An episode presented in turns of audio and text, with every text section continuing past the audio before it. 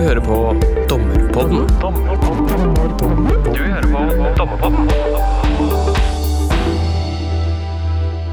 Høsten 2019 landet et knallhardt knyttneveslag midt i solar plexus på det politiske og juridiske Norge. Det viste seg at Nav, politi, domstoler og de aller fleste andre som har hatt noe med dette å gjøre, har tolket reglene om adgangen til å ta med seg noen trygdeytelser ut av landet for strengt. Resultatet? Mange mennesker ble utsatt for urettmessig straffeforfølgning, urettmessig tilbakebetalingskrav og alle menneskelige omkostninger som følger med. Det skal kanskje litt mer til å slå en ekte knockout på tillitssamfunnet vårt, men det virket en stund som det måtte ned og ta telling. Domstolene, og det er jo i denne sammenheng oss, ble utsatt for kritikk for ikke å ha sett at det kunne være motstrid mellom regelsettene, og ifølge Navs internrevisjonsrapport så ble det mellom 2012 og 2019 avsagt 48 dommer i tingrettene rundt omkring, der da eh, trygdemottakere er blitt urettmessig dømt for trygdesvindel. Og bortsett fra et par heroiske kolleger i eh, Trygderetten, så er det jo da blant annet vi dommere som har eh, til syvende og sist stemplet uskyldige stønadsmottakere som forbrytere. Det hører med til historien at kun én av de 48 sakene som jeg nevnte, ble anket, og også det uten hell. Vedkommende fikk riktignok redusert straff i lagmannsretten, men i Høyesterett så ble straffen til slutt utmålt til det samme som i tingretten. Og skyldspørsmålet har alle vært enige om hele veien. Det er i hvert fall det er naturlig da, for oss i Dommerpodden å tenke at vi ville jo forsømt oss hvis vi ikke bidro til den selvransakelsen som eh, har fulgt med denne saken. Eh, og det hadde vi jo planer om å gjøre, inntil eh, den, en annen nokså stor sak kom inn fra Venstre, nemlig koronaviruset. Det spente litt bein under redaksjonens gjennomføringsevne. Og for ikke å snakke om vi gjorde det vesentlig mer krevende å få tilgang til de gjestene vi hadde invitert til å hjelpe oss med disse sakene. Så Nav-saken, både her i Dommerpodden og kanskje også litt der ute, har jo kommet litt ut av fokus kanskje i det siste. Muligens er ikke det så dumt, det kan ha gitt oss litt avstand. Muligens har også noen av nyansene i saken kommet litt bedre fram. I de månedene som har gått, så har vi funnet ut at meningene kan være nokså delte om ganske grunnleggende sider av saken. Det er flere som mener at det ikke er noen Nav-skandale i det hele tatt. Da norske regler om reiseforbud for opprettholdelse av rett til visse ytelser som sykepenger osv. i utgangspunktet ikke strider mot EØS-avtalen i det hele tatt. Så har man på den annen side de som står fast ved at dette er et helt eklatant brudd på åpenbare og grunnleggende EØS-rett. Når vi er inne på grunnleggende EØS-rett, en liten parentes. Hvis du ikke har hørt Dompodens episode om grunnleggende EØS-rett, der ekspedisjonssjef Kjetil Bø Moen i Lovavdelingen greier ut om dette, så anbefaler jeg for så vidt å høre på den før du hører denne episoden. Det er mye der som gir nyttig bakgrunn for det vi skal snakke om i dag. Har du imidlertid dybdekunnskap om EØS og trygd fra før, eller bare er typen som tenker at dette tar du på hælen, så velkommen til å høre på likevel. Som du allerede har forstått, vi skal snakke om Nav-saken i dag. Det er litt viktig også før vi dykker inn i dette, å si at å dele ut skyld og ansvar, det er det vi gjør hver dag i retten, men vi skal ikke gjøre det i denne episoden. Det vi derimot skal forsøke, er å få en viss oversikt over hva som skjedde, hvem som gjorde hva, og kanskje snakke litt om noen mulige årsaker til at det ble som det ble. Og en liten ansvarsavskrivelse da, helt til slutt. De som tenker at dette blir overfladisk, det er bare å si at ja, det har dere helt rett i. Vil man dykke ned denne materien og få et detaljert bilde av hvordan EØS-reglene og nasjonal rett har utviklet seg siden 1994, via 2012 og til i dag, så må man nok andre steder enn til Dommerpodden. Og et godt sted å starte kan jo være Navs egne nettsider, der de har en kronologisk oversikt over Nav-saken og tilhørende sentrale dokumenter. Arnesen-utvalgets første delutredning skal vi snakke litt om. Den er også enkelt tilgjengelig på nett, foruten de tradisjonelle rettskildene våre. Og løfte denne episoden om Nav-saken, det klarer åpenbart ikke Dommerpodredaksjonen helt alene.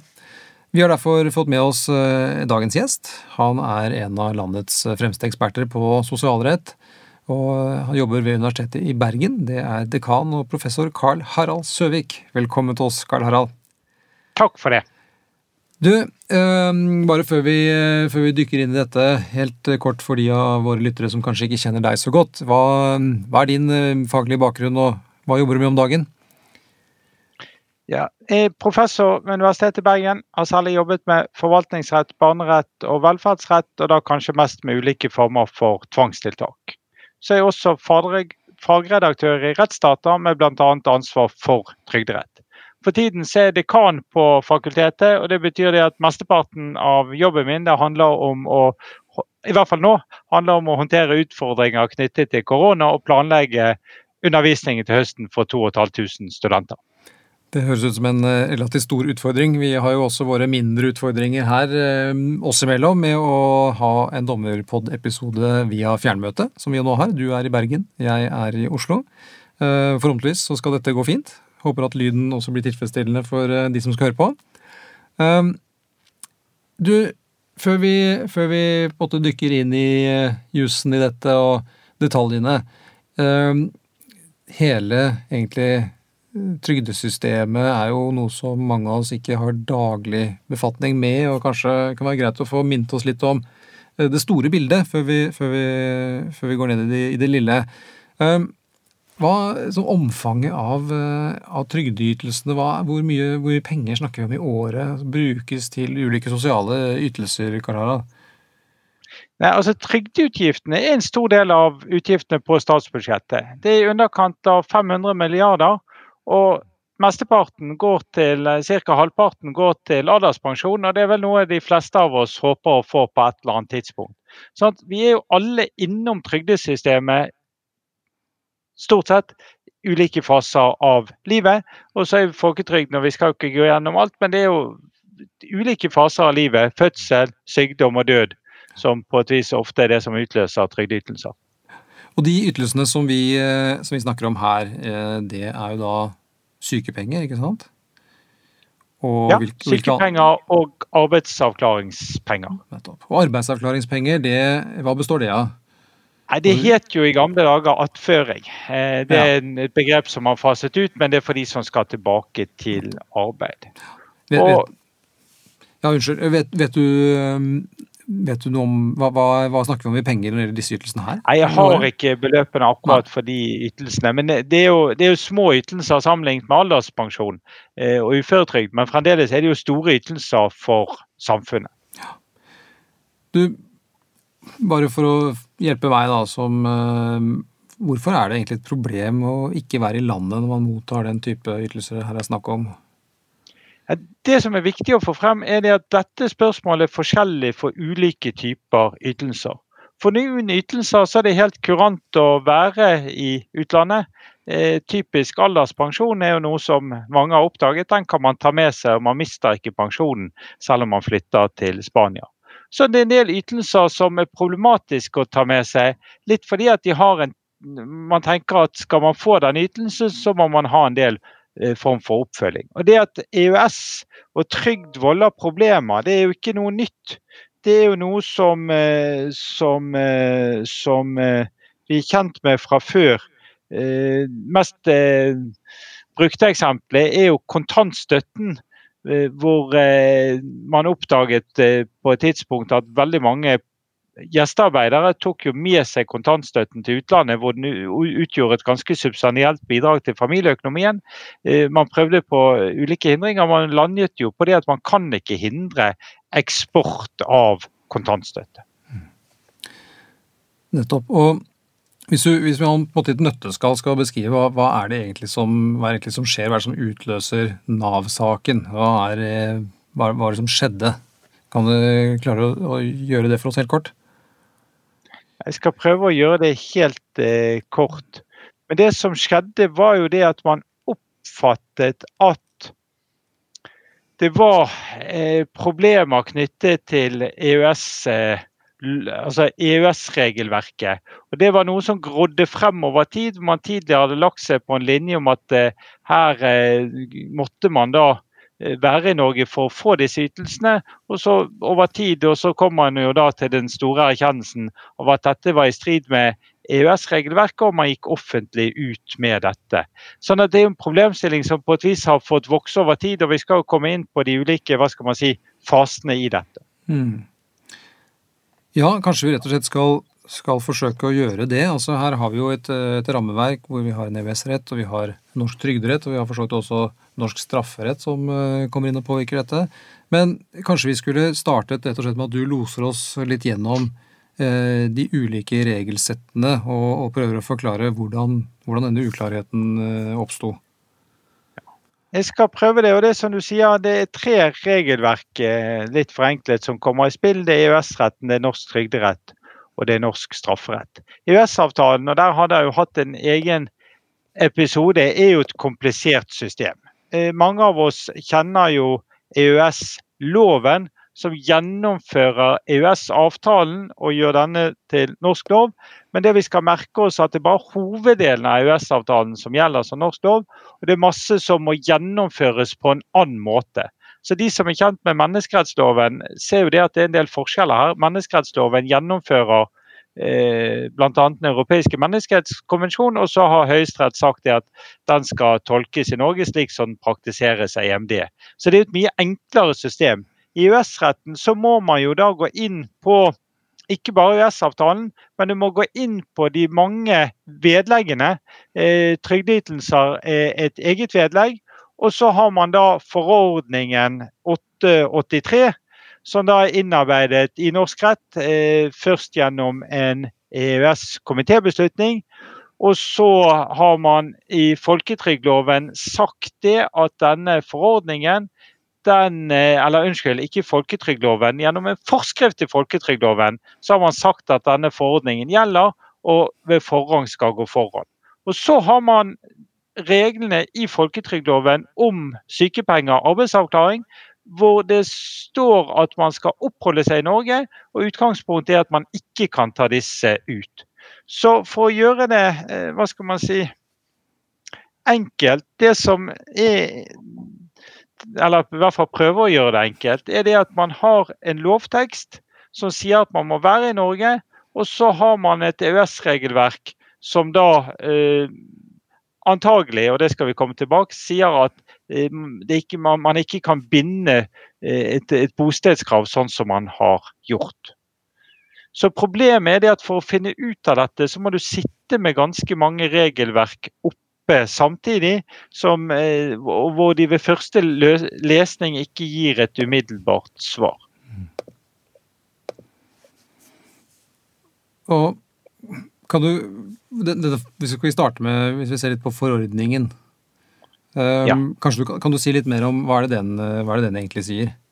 Ja, altså igjen, Dette er jo en forordning, og det har sikkert vært inne i tidligere mm. Eh, da om forholdet mellom forordning og direktiv. En forordning er altså noe som gjelder i seg selv. Et direktiv skal gjennomføres, men forordningen skal inkorporeres som sådan. Og Det er det da Norge har gjort gjennom en forskrift til folketrygdloven. Så hvis man går inn og leser forordningen, så har den jo en lang forhistorie. Eh, og den erstatter tidligere eh, regler om dette. Og bakgrunnen er det at EØS sier ikke de at statene skal like trygdeytelser. Det ville være å gripe inn i statenes eh, selvråderett på en måte som man ikke ønsker. Sånn at EØS-reglene kommer jo først og fremst i spill Eh, der hvor man får trygdeytelser som krysser landegrensene. Opprinnelig så var man da særlig opptatt av trygdeytelser i forbindelse med arbeid, men etter hvert så har man eh, utviklet regelverket sånn at trygdeytelser kan man egentlig ta med seg uavhengig av et arbeidsforhold. Nettopp. Og og hva er det som måte, er spenningsforholdet her da, mellom den forordningen, som, som, for øvrig jo er en ganske gammel forordning, den selve forordningen er jo fra 2004, og så blir den, blir den ikke inkorporert før i 2012. Uh, men spenningsforholdet mellom, mellom den og, uh, og folketrygdloven, hva, hva, går det ut på i, i korte trekk? Ja, I korte trekk er det jo nesten vanskelig, og selv i lange trekk så, det, så det, blir det frykt Eh, fort mange ord. Men for å prøve jo, å gjøre det Vi har jo eh, en del lyttere som jo er for så vidt vant til litt lange ord, så eh, vi, vi prøver. Vi skal gjøre vårt, eh, vårt beste. Ja. Man kan jo begynne å slå opp i folketrygdloven. Og Da vil man jo se det at i folketrygdloven sine regler om eh, arbeidsavklaringspenger, sykepenger, så står det det at man må oppholde seg i Norge for å få denne ytelsen. Og Hvis man da eh, tok det som utgangspunkt og tenkte ok, det må jo skrekke litt nøyere, så vil man kanskje gå til eh, Nav og deres rundskriv, og som fortolker dette at man er i Norge. Og så Hvis man nå tenker seg at man ville gå enda grundigere til verks, så ville man tenkt ok, dette er EØS-rett, her, her må det jo være noen regler. Så finner man frem til forordningen, og så kan man sin EØS-rett så godt at man vet at denne ved, ved motstrid skal gå foran. Men hvis man setter seg ned og leser forordningen, så er det ikke så lett å, øh, å, å se problemet. Altså, den artikkelen som da er særlig aktuell, er artikkel 21. og Siden det er lesere her som er vant til å, å lese teksten, de er kanskje ikke så vant til at noen leser teksten for dem, så kan vi jo lese den norske oversettelsen. Den er ikke så lang. Eh, Men der står det et medlem i trygdeordningen og medlemmer av hans hennes familie som bor eller oppholder seg i en annen medlemsstat enn den kompetente medlemsstat, skal ha rett til kontantytelser fra den kompetente institusjon i samsvar med lovgivningen den anvender. Og Leser man den, så virker det jo som om eh, medlemslandet, altså den som yter, altså den som yter trygdeytelser, eh, kan fastsette lovgivning knyttet til dette. Og, og det er vel den- sånn Nav har praktisert det, er det ikke det? Ja. ja. ja. Sånn at den som da virkelig skal se problemet her, må da tenke OK, vi har en forordning, men denne forordningen må jo i tråd med anerkjente EØS-prinsipper tolkes i tråd med det man kaller bakgrunnsretten, altså ønsket om fri bevegelighet av varer, tjenester og kapital. Og så må man tenke ok, dette er en restriksjon på friheten på bevegelsen, så vi må tolke artikkel 21 i lys av bakgrunnsretten. Og når man er kommet så langt, så begynner man å se hva skal man si, det problematiske her. Nemlig at du har en ytelse i ett land, og så får du en restriksjon på reise til utlandet.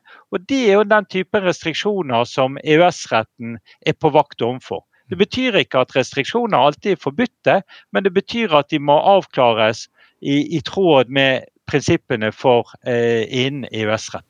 Nettopp. Og kanskje vi kan, hvis vi tar et lite sånn stopp der, hva i utgangspunktet skjønner vi er jo da fri bevegelighet. Og så vet vi også at dette kan ikke gjelde absolutt. Men sånn generelt, hvilke omstendigheter er det som gjerne kan begrunne begrensninger da, i, den, i den frie bevegelighet her av, av personer, trygdeytelser? Ja, altså litt enkelt så er det et sett av kriterier for når man kan eh, Hva skal man si altså Hvis du direkte griper inn en fri bevegelighet, så er det noe annet. Her er det jo mer indirekte. Så da må man tolke forordningen i tråd med, med disse prinsippene om at det må være saklig, det må være proporsjonalt osv. Så videre. sånn at det er et sett av kriterier for å se på på, på, på, sånne, på, på den type restriksjoner. Sånn at eh, Det er det som gjør dette komplisert, at du må lese flere regler i lys av hverandre. Har Og så noe- finnes har det vi- ikke et, et altså Problemet her var jo det at man har ikke et klart prejudikat fra eh, EFTA-domstolen eller fra EU-domstolen knyttet til denne forordningen og akkurat denne typen problemstillinger. Man har noen saker for all del som man kan trekke paralleller til, men man har liksom ikke det entydige prejudikatet som, eh, som, som løser problemstillingen. For Vet vi noe om hvordan andre land eh, praktiserer dette, eller har, har de begrensninger i lignende type ytelser? Er det, er det, kunne man sett noe hen til det? Ja, det kan man jo gjøre. og det har jo vært litt, eh, altså, Vi skal jo komme inn på Utgård sin utredning, som, som mener det at andre land har satt, eh, satt begrensninger. Og Jeg tror ikke det er noe tvil om at man kan sette begrensninger. Det som var hva skal man si, utfordringen for det norske regelverket, var det at det var et absolutt forbud. Det er ingen tvil om at eh, hvis man hadde gått frem på en annen måte, eh, så eh, ville man fått eh, en annen type eh, Hva skal man si utfall. F.eks. hvis man hadde eh, hvis man hadde mm, laget et regelverk hvor man sa at man kan dra til utlandet, men etter søknad. Og så måtte man i søknaden se på behovet for å dra til, opp til utlandet opp mot dette kontrollbehovet som er legitimt. Sånn at det er godt mulig man i Norge kunne hatt en regulering eh, som var eh, annerledes enn den vi hadde i dag, og som var EØS-konform. Men problemet for, for, det norske regelverket var denne hva skal man si, absolutte forbudet mot uh, utenlandsopphold. Nettopp. Og, og, det vi jo nå aner konturene av, det er jo at dette blir jo da et, selvfølgelig et stort problem fordi ingen av de aktørene som skulle ha oppdaget problemstillingen, har oppdaget den. Sånn kan det i hvert fall synes. Ja. Um, hvem er det som er de sentrale aktørene her i dette, dette dramaet? Uh, og, og bidraget til at det går som det går? Er mange, her er det jo mange instanser som, som, uh, som, er involvert. og Kanskje er det noe av problemet også. Men vi har jo sentralforvaltning, vi har Nav, vi har politi og domstoler. Vi har akademia, som du representerer, sikkert andre også. Um, går det an liksom å sortere ut litt hva er deres ulike roller og, og, og bidrag i dette? Ja, det kan man jo prøve. Når det gjelder sentralforvaltningen, så tenker jeg først og fremst er jo dette et lovgiverproblem. At den som setter seg ned med folketrygdloven og leser teksten, vil vanskelig kunne se at eh, dette bostedskravet reiser EØS-rettslige spørsmål. Sånn det ville jo vært bedre hvis det i klartekst sto i selve loven, og ikke i en forskrift til folketrygdloven, at loven bare gjelder så langt det er forenlig med våre forpliktelser etter EØS-avtalen, og da særlig forordning 88304, eh, som er helt sentral på trygdefeltet. Sånn jeg tror lovgiver skal ta sin del her, hvor det burde vært en tydeligere lovgivning. Så når det gjelder Nav, så kan man jo si at de gikk jo ikke så grundig inn i problemstillingen som man kunne ønske. Eh, og, men det man kan i hvert fall gi dem en form for ære for, det mener jeg er at man har vist en vilje til å ordne opp. Veldig mange offentlige hva skal man si, skandaler kommer jo fordi at noen utenifra har, har avdekket noe. Men dette er jo en offentlig, altså dette er jo noe som er, er hva skal man si, det offentlige selv har tatt ansvar for de feilene som er gjort. Når det gjelder politi og påtalemyndighet, så er jo alle enige om at eh, påtalemakten har et selvstendig ansvar for at de sakene som iretteføres, faktisk er straffbare. Sånn at Det ligger jo også til deres plikt å, å, å hva skal man si, se på om forholdet er straffbart. Når det gjelder eh, domstolene, eh, så er det jo mange grunner til at eh, dette ikke kom opp før. Jeg tror jo at hvis noen på en skikkelig måte hadde prosedert spørsmålet for norske domstoler, så håper jeg og jeg tror at norske dommere ville sett ok, her må vi se nærmere på saken. Men det som har skjedd, er vel det at eh, og det kan tenkes unntak, selvsagt, men jeg har inntrykk av at i de sakene som har vært oppe for domstolene, så har det ikke vært prosedert tydelig på at dette var en aktuell problemstilling. Så som mange har fått med seg, så, så fikk jo Høyesterett også eh, dette komplekset på sitt bord. Eh, det var en omfattende sak eh, hvor, eh, om eh, ulike former for økonomisk kriminalitet hvor det var anket over lovanvendelsen. Det er jo sånn at Man anker over lovanvendelsen eh, i straffesaker generelt uten nødvendigvis å spesifisere de ulike tiltalepunktene. Et av tiltalepunktene det var bedrageri. Eh, og Saken det gjelder altså rettstiden i 2012 side 313. Så det var trygdebedrageri da på ca. 230 000 eh, kroner. Og en del av dette trygdebedraget, ikke alt, men en del av det var da eh, fordi at han hadde vært på Kanariøyene i tre uker. Sånn at Det var en liten del av dette sakskomplekset, men det lå jo der på Høyesteretts bord uten at de tok tak i problemstillingen. Eh, man må jo kunne si at det var forståelig, fordi det var mange andre problemstillinger i saken. Eh, og denne var, var, sånn sett en liten del. Eh, men det var jo litt spesielt eh, fordi at både Skogøy og Arnesen Eh, satt i Høyesterett i denne saken. De var jo begge medlemmer av granskingsutvalget, selv om Skogøy senere har, har eh, trukket seg ut. Mm. Men jeg tror jo det at hvis eh, forsvareren i Høyesterett utenom anken hadde, gjort, hadde anført at eh, på en klar måte at eh, denne lovanvendelsen var eh, EØS-rettsstridig, så tror jeg nok Høyesterett hadde, hadde grepet det. Eh, men, men man fikk det altså ikke prosedert. Klart. Nettopp. Og siden dette er en dommerpod, og, og noen av oss jobber i domstolen, så tror jeg, jeg skal ikke gå inn på noen store spekulasjoner om hvorfor dette kan være, men det er bare én refleksjon kan jo, som jeg tror er ganske typisk, er jo at vi det er vanskelig å ta stilling til eh, problemer som man, eh, som man ikke ser. Ja. Eh, Så hvis man ikke ser skogen, og hvis ingen sier til deg at det er en skog der, så er det klart at i en det er ikke helt enkelt alltid å klare å identifisere de problemstillingene. Selv ikke da i, i Høyesterett. og Det er kanskje en fattig trøst da, for de av oss som jobber i dette systemet. Um, men, men i Trygderetten, eh, Karl Harald, der, der skjedde det noe. De- De så det etter hvert. Sant? og Det var litt ulike saker, men det var Trygderetten som først avklarte dette spørsmålet. Så sånn sett, og det, det kan vi kanskje vende tilbake til på slutten, det var jo eh, på en måte da spesialistene Mm. som så dette, eh, denne problemstillingen først.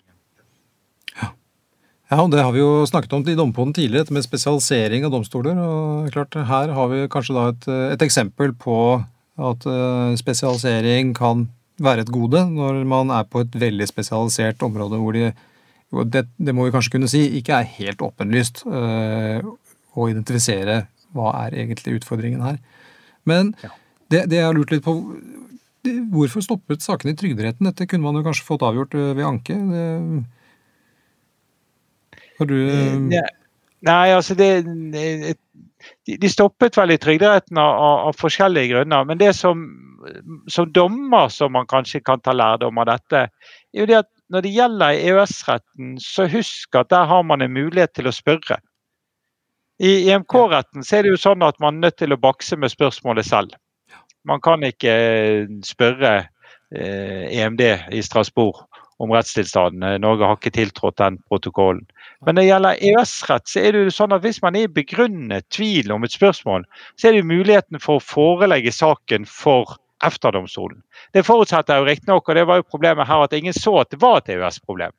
Hadde noen virkelig sett det og man hadde fått det prosedert, så hadde man nok gjerne forelagt det for, for EFTA-domstolen. Eh, men det er jo viktig å huske på at ser man EØS-problemer, så er det altså mulighet til å spørre. Men, men det gjorde ikke Trygderetten i dette tilfellet heller? Nei. Nei, nettopp. Nei. Nei, jeg, og denne spørsmålsretten til EFTA-domstolen, den, den, eh, den tror jeg de fleste er kjent med, men kanskje man har et mer bevisst forhold til det i, innenfor sivilretten. Eh, Det er mulig når man sitter med en, eh, en straffesak, som i hvert fall for, for de av oss som jobber i tingrettene, som skal være ferdig klokka to, så, så fremstår liksom muligheten for å rette et spørsmål ned til EFTA-domstolen ikke alltid som det som er lengst fremme i pannebrasken. Men, eh, Nei, det er jo- men dette er jo en, kanskje en påminnelse på at eh, også der så, så kan det være aktuelt. Ja, Mm. ja. Men det er klart det er jo ofte i sivile saker, men det kan være aktuelt i, i, i straffesaker òg. Og det er vel typisk da i større økokrimsaker. Og dette er jo veldig ofte saker som sikkert har gått eh, litt forskjellig. Noen har vært del av et større sakskompleks, men det hadde vært et hva skal man si, gåseøyne enkelt trygdebedrageri, og det eneste straffbare forholdet eh, var et, var et utenlandsopphold, så har jo mange av disse gått som, som korte straffesaker, eventuelt som en tilståelsesdom. Ja. Det kan vi jo litt komme tilbake til. Det, det er jo mange som av de som har vært tiltalt, har jo ikke sett at, at det var noe straffriende her. Nei, fordi de tiltalte har vel heller ingen foranledning til å tro at det var noe galt med altså, hjemmelen for å straffe dem. De har jo forholdt seg til et regelsett som jo på mange måter er forbilledlig klart for dem. Ja da, og det, altså man, man kan reflektere eh, mye over dette, og situasjonen er jo litt spesiell. Men, men, men det man kanskje kan noe, noe av det det kan forklares med, er at hvis det er noe som intuitivt ikke fremstår som straffbart, så vil jo de fleste eh, kanskje ikke slå seg til ro med lovteksten. Da vil man gå inn og, og sjekke nødrett eller rettsstridsreservasjon eller hva det er. Mens, mens det som nok har skjedd her, er det at eh, verken de tiltalte eller forsvarerne har kanskje sånn intuitivt oppfattet at dette er problematisk å straffe. For hadde man gjort det, så hadde man kanskje lett, lett grundigere. Det kan nok være én forklaring. Og den andre forklaringen er jo kunnskapen om, om EØS-rett. Og, og, der har jo vi har snakket og kanskje prøvd å om ikke fordele skyld, så i hvert fall reflektert over rollefordelingen til forvaltningen og domstolene. Men som representant for akademia så tror jeg vi må ta vår, vår del av ansvaret her. Det ene er jo det at trygderett etter hvert er stemoderlig behandlet. Hvis man tenker på antall Eh, antall kroner som går utover statsbudsjettet, så er det ganske få trygderettsforskere per, eh, per krone. Så kan man også reflektere over EØS-rettens eh, plass. Jeg tror litt spissformulert at våre kandidater har bedre kunnskaper i EMK-retten enn i EØS-retten. Og jeg tror ikke universitetene har vært flinke nok til både i forskning og undervisning å ta inn over seg de inngripende konsekvensene som EØS-loven har, eh, og EØS-avtalen, på, på, på, alle ulike rettsområder. Da, da, jeg studerte, det begynner å bli et, et par år siden, eh, så, så var jo EØS-avtalen egentlig eh, ja, det, det, det, var rett rundt folkeavstemningen, og, og vi hadde jo undervisning i EØS-rett, og vi hadde også trygderett riktignok på første avdeling i gamle dager. Hvordan er eh, undervisningen i dag? Hva får studentene i Bergen? Eh, er fortsatt trygde- og EØS-rett på pensum? EØS-rett er jo på pensum, ja. men trygderett var på, på, på pensum eh, inntil en reform på, i 2003. Men nå er det ikke lenger obligatorisk med trygderett. EØS-retten mener jeg vi lærer de mye mer EØS-rett i dag enn vi gjorde for, for, for 20 år siden. Men fremdeles så tro, altså Én ting er at vi lærer det i EØS-rett, og det tenker jeg kanskje vi, vi, gjør på en god måte. Det vi kanskje ikke er flinke nok, er når vi lærer det i forvaltningsrett, strafferett eller hva det måtte være, å bruke konkrete eksempler som viser at EØS-retten ikke bare er et system i seg selv, men den har direkte implikasjoner for de ulike rettsområdene. Der tror jeg vi kan bli flinkere. Ja, det tror jeg du har rett i. Um så, så, dette er jo et, et samspill da, mellom for så et utgangspunktet nokså eh, komplekst, uklart regelsett som forvaltes uh, av rekke forskjellige instanser og institusjoner. Uh, kan man gjøre seg noen tanker om årsakene til at, uh, at disse Ingen av disse egentlig har fanget opp, og, og grunnen til at det gikk som det gikk? Nei, altså, man, kan jo gjøre seg noen tanker, og så, og så, skal jeg dele de med dere. Og så får jo andre gjøre seg sine tanker. Det er ja, ikke det er sånn at uh, Har man sittet på et universitet, så har man noe fasit her. Men jeg tror en som vi har vært inne på, det henger litt sammen med hva som man intuitivt oppfatter som straffbart. Hvis dette intuitivt hadde vært oppfatt, oppfattet noe som var problematisk å straffe, så hadde man kanskje lett mer i rettskildene etter, etter muligheter for frifinnelsesgrunnlag. Det er det ene. Det andre er og dette er et eksempel på hvor komplisert regelverket er, hvor den som vil prøve å finne ut av et spørsmål, ikke bare kan forholde seg til folketrygdloven og dykke ned i forarbeidene og, og, og, og, rettspraksis. Du må gjøre det, du må se hen til trygderettens praksis, og du må gå inn i EØS-retten. Og som jeg sa, det nytter ikke bare å sitte med forordningen. Skal du få grep om dette spørsmålet, så må du vite en del om, om bakgrunnsretten og, eh, og, de fire frihetene og hele rammeverket rundt EØS-avtalen. Eh, sånn, kompleksiteten er nok òg en, en, en, forklaring eh, her. Og så er det litt som vi har vært inne på, jeg tror bevisstheten, og sånn sett har jo dette vært en, en øyeåpner for de fleste, at EØS-retten er ganske gjennomgripende på ulike rettsområder. Nettopp. En sånn refleksjon som man kan gjøre seg fra, fra dommerbordet, er vel kanskje også at eh, når politiet irettefører trygdebedragerier, så tror jeg de i utgangspunktet eh, bruker Navs rettsanvendelse. Ja. Eh, og, og ære dem for det. Altså det, det, skal de vel i utgangspunktet gjøre. Um, Og de har vel ingen spesiell EØS-rettslig eller trygderettslig kompetanse som et utgangspunkt. Og det samme gjelder vel forsvarerne, som da skal ivareta den andre siden av dette. Og det samme gjelder vel på mange måter også dommerne. Så det er klart at uh, akkurat når det gjelder den siden av det, uh, så er det jo lett å se at uh, dette ikke boblet opp til overflaten når det skulle ha gjort det. Og det ser man jo også på volumet.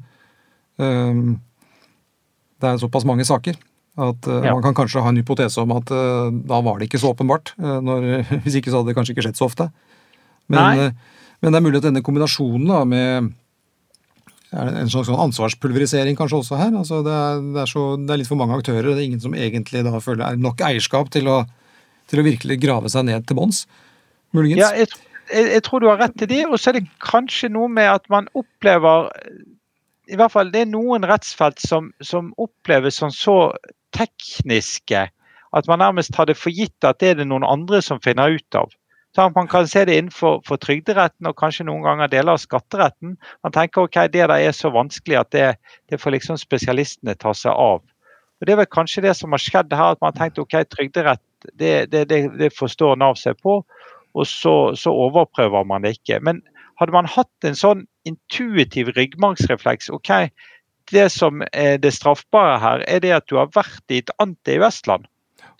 Det er jo den som man kan si burde slått inn. Eh, og det er jo lett å si i ettertid, men, men det er den som kanskje ikke har vært nok utviklet. Altså OK, du flytter til et anti-EØS-land og så blir du straffet for det, er det problematisk? Det er den ryggmargsrefleksen vi, vi, vi, burde hatt da i etterpåklokskapens lys. Nettopp. Du, vi eh, Selv om vi har hatt eh, litt mer fokus på korona i det siste, så har det jo, eh, har det jo skjedd ganske mye etter, etter, at denne saken kom opp i, i fjor høst. Uh, Nav har jo gjort en, uh, gjort en undersøkelse. Uh, vi har nedsatt et utvalg. Du nevnte det, Arnesen-utvalget. De, de, de, de, jobber fortsatt. De har avgitt sin delutredning nummer én.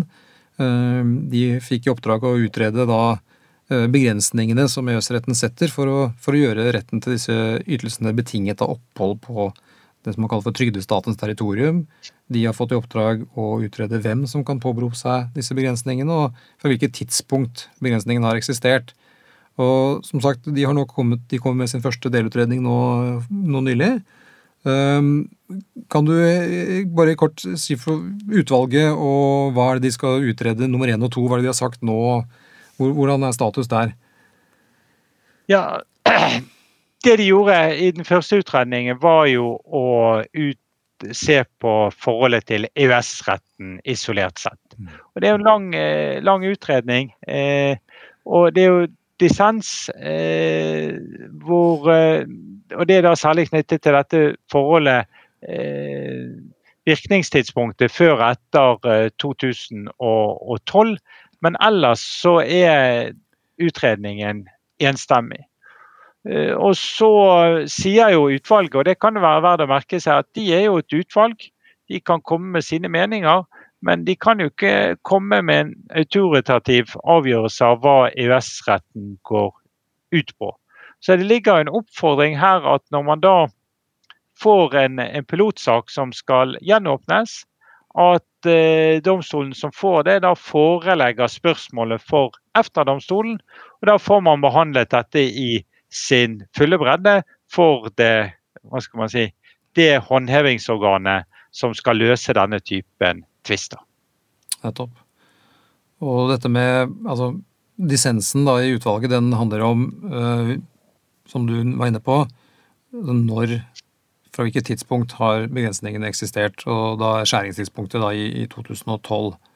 Ja. Men, men, utover det øh, så, så, er det et enstemmig utvalg da, som Eh, som avgir den, den første delinnstillingen. Og, og liksom hoved, kan du skissere for oss hovedfunnene til, til, utvalget?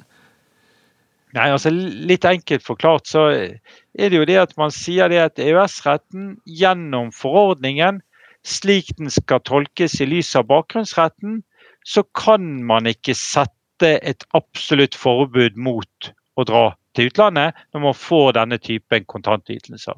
Så sier utvalget det at eh, vel, vel, eh, en annen problemstilling er jo det om man kunne hatt en annen lovgivning som satte visse begrensninger. Eh, og det, men, men det, det indikerer vel at det kunne man hatt, men det er jo ikke det vi har hatt i Norge. Sånn at de er ganske entydige på konklusjonen når det gjelder EØS-retten etter 2012. Ja, og, og, den er vel da, hvis jeg forstår deg riktig, at det var, eh, det var ikke adgang til å sette disse begrensningene som da eh, folk har blitt dømt etter. Nei, men så er det jo eh, ulike oppfatninger som sikkert mm. mange har fått med seg. Sant? Mm. Utgård har jo laget en utredning som er, som er offentlig tilgjengelig, som mener at det man har gjort da innenfor rammene av forordning 883 og så er vel, og Arnesen-utvalget hadde jo fått tilgang til denne i forkant. og, og Det de mener er at vel, dette er ikke bare et spørsmål om hva som følger av forordningen, men den må leses og tolkes i lys av bakgrunnsretten. Nettopp. Så for sant, dette har jo En sak som dette som har fått så, så mye oppmerksomhet, den har jo blitt eh, kalt ved litt ulike navn. ikke sant? Og Det er litt, litt interessant om dette her er, eh, er det en eh, Nav-sak, eller er det en Nav-skandale? Ikke sant? Um, og utgår er vel da kanskje mer på det siste. altså Dette er en Nav-sak. Det er kanskje heller ikke det er, er, er Utgårds uh, oppfatning, sånn som du leser det, at han mener at dette i utgangspunktet det er ikke Ingen har blitt urettmessig dømt for dette? At, uh, eller, eller, hvordan er det? Nei, altså Han er i hvert fall i den retning at det er ikke gitt at, at, at ikke dette er innenfor rammen av forordningen, og at vi kan sette denne formen for for uh, bostedskrav. Nettopp. Men det mener utvalget at man bosted, Det er jo ikke bosted, Nei, det er viktig oppholds, opp, Oppholdskrav. Mm. Oppholdskrav? For, jo, for, de fleste så er det jo snakk om ferieopphold ja. som man ikke har meldt fra om til Nav. Nettopp. Så, så, hvis man skal oppsummere, hva er det de, hva det de lærde egentlig strides om, om nå? Hva ville du sagt at det var? Det er rekkevidden av denne forordningen opp mot det, dette som vi kaller for bakgrunnsretten. For du må mm. ikke bare lese forordningen isolert. Du må se på hvordan ville EFTA-domstolen håndtert dette spørsmålet, eller EU-domstolen, hvis det kom opp. Og det, det, er nok helt sikkert. De ville ikke bare sett på teksten, de ville sett på dette i lys av de fire frihetene og, og, denne, og disse restriksjonene. Hvordan er det med, hvordan er det med deg? Karl Harald, du, føler du deg kallet til å spekulere i hva EFTA-domstolen kunne tenke seg gjennom dette? Jeg burde jo føle kallet, men eh, altså eh, Og jeg gjør jo det et stykke på vei, men jeg har jo eh, det kjedelige med ting som tas opp, er jo det at det kan bli brukt mot deg i ettertid. Eh, og Det er en risikabel sport, dette her. Men, men, jeg tror nok at man vil se på dette oppholdskravet som som problematisk fordi at det var så absolutt at du måtte oppholde deg i Norge. Men Det er en konklusjon mm. som, med en viss usikkerhet, selvsagt. Men jeg tror det er det man vil lande ned på. altså. Ja. Mm. Men det interessante er jo det at vi, vi, kunne hatt en annen lovgivning som kanskje var EØS-konform, men det hadde vi altså mm. ikke. Nettopp. Så, så på en måte en slags, eh, en slags saksbehandlingsfeil, kanskje? Er det det? Ja, men den er jo litt mer alvorlig, fordi at det er jo snakk om folk som er blitt straffedømt her. Ja, det er akkurat det. Eh, og Det er jo det som gjør dette problemet altså, De har ikke bare mistet trygdeytelsen, men de er blitt, eh, blitt eh, idømt for manges del uh, ubetinget fengsel. Ja, og for mange som har jo også da sonet, og er for så vidt vanskelig å reparere det som, det som da allerede har skjedd, i hvert fall på den, ja. på den måten. Mm. Ja. Så hvis vi, ehm, hvis vi retter blikket litt fremover, da, hva, hva, er vi, ehm, hva, er det vi, kan forvente oss nå i forhold til eh, Arnesen-utvalget f.eks., eller andre, andre, ting som er på trappene, bortsett fra da, at man eventuelt får en rettslig prøving av dette? Nei, Nå er det jo flere ting som skjer samtidig. Sant? Du har nevnt Arnesen-utvalget. Nav selv nedsatte et utvalg som kom med sin utredning før jul. Eh, og så har jo Riksadvokaten, eh, og det har jo vært nedsatt en, en setteriksadvokat som skal se på disse sakene om, om gjenåpning. Så når man da har fått landet spørsmålet eh, og med noen pilotsaker funnet ut standpunktet til EFTA-domstolen, så vil man se på om det da blir gjenåpning. Og hvis EFTA-domstolen mener at dette er, er at et sånt forbud mot utenlandsopphold EØS-rettsstridig, så vil det jo bli gjenåpning av en rekke saker. Og så får man Eh, en diskusjon da om det skal være saker også før 2012. Har vi noen formening om altså omfanget av domfellelser etter 2012? Det har vi en god formening om. Det er vel rundt 50 saker eh, som, ja. som, som, Nav har, eh, har, har, har skissert. Vet vi noe om omfanget før 2012? Nei, jeg har, jeg har hørt Han har sagt at det har vært litt sånn ulike spekulasjoner om dette. Men det er nok mest sannsynlig ikke så mange saker før 2012. Eh, fordi at det har vært økt oppmerksomhet de siste årene knyttet til trygdebedrageri. Sånn at det er nok ventelig ikke så mange saker. og Så dere sitter jo i domstolene, så dere vet jo veldig godt at det er mye vanskeligere å finne sakene før 2012 enn de etter 2012. Da må man fort eh, gjort ned i eh, i, i fysiske arkiver mm. og lete. Og det er en ganske omfattende jobb å, å, å gjøre den eh, innsatsen. Det tror jeg du har rett i. Uh, Karl Harald, vi, uh, vi kunne nok helt sikkert, uh, og kanskje med fordel, ha snakket i timevis mer om, om den såkalte Nav-saken, eller Nav-skandalen, avhengig av synsvinkel. Men vi skal nærme oss slutten på denne Dommerpodden-episoden. Og bare sånn som en avslutning så tenkte jeg å gi deg en liten utfordring. Altså å sette deg i justisministerstolen. Og så har du fått da all makt til å vurdere tre tiltak øh, for landets dommere. Som kunne kanskje hjelpe oss å forhindre at denne typen ting skjer igjen. Har du noen tanker om hva det kunne vært? Ja, Det er jo det hellige tallet tre, da, så det legger en begrensning her. Men jeg skal, jeg skal prøve én, og det går kanskje litt utover dommerstanden. Det er bedre lovgivningsteknikk. Hvis det var tydeligere i lovgivningen at her lå det EØS-problemstillinger, så kunne man kanskje fått spørsmålet løftet frem tidligere. To, mer kunnskap om EØS-rett Eh, nå kan man jo se dette som et lite bidrag, men jeg håper det at, at domstolene bruker litt ressurser på å få kunnskap om EØS-rett. For det er viktig. Eh, og det er et rettsfelt som er komplisert, og som det tar tid. og bare, Det er jo ikke bare å kunne enkelthetene, men det er å opparbeide seg denne ryggmargsrefleksen. Når er dette et EØS-spørsmål? Så det tredje det er kanskje mer kontroversielt, men jeg tror kanskje at eh, denne saken tross alt er et signal om at vi bør beholde generalistene.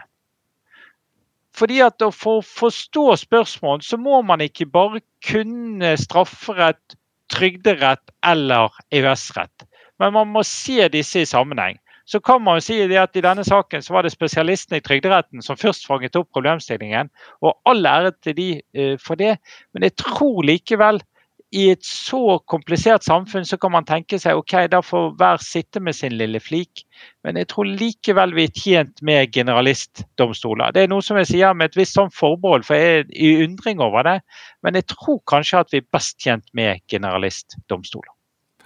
Det var de tre tingene. Jeg har vel ikke flere. Nei, Hvis du har flere, så skal jeg ikke hindre deg fra å komme med et siste innsmett, hvis du har det.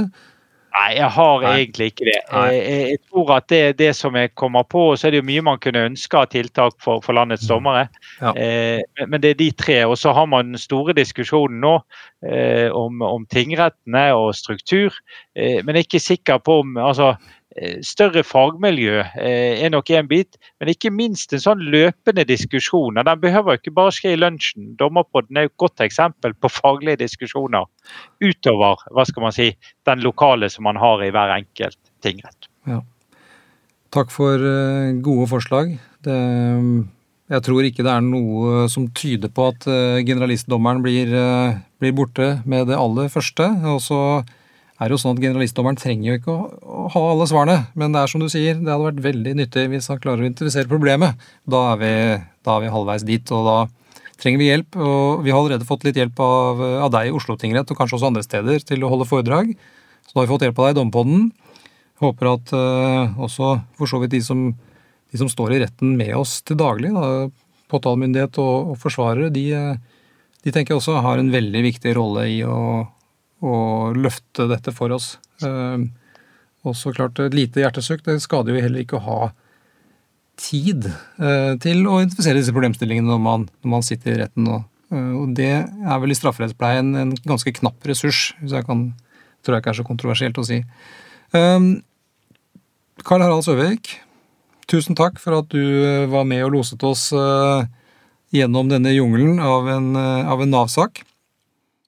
Takk for muligheten, og takk for praten. I like måte.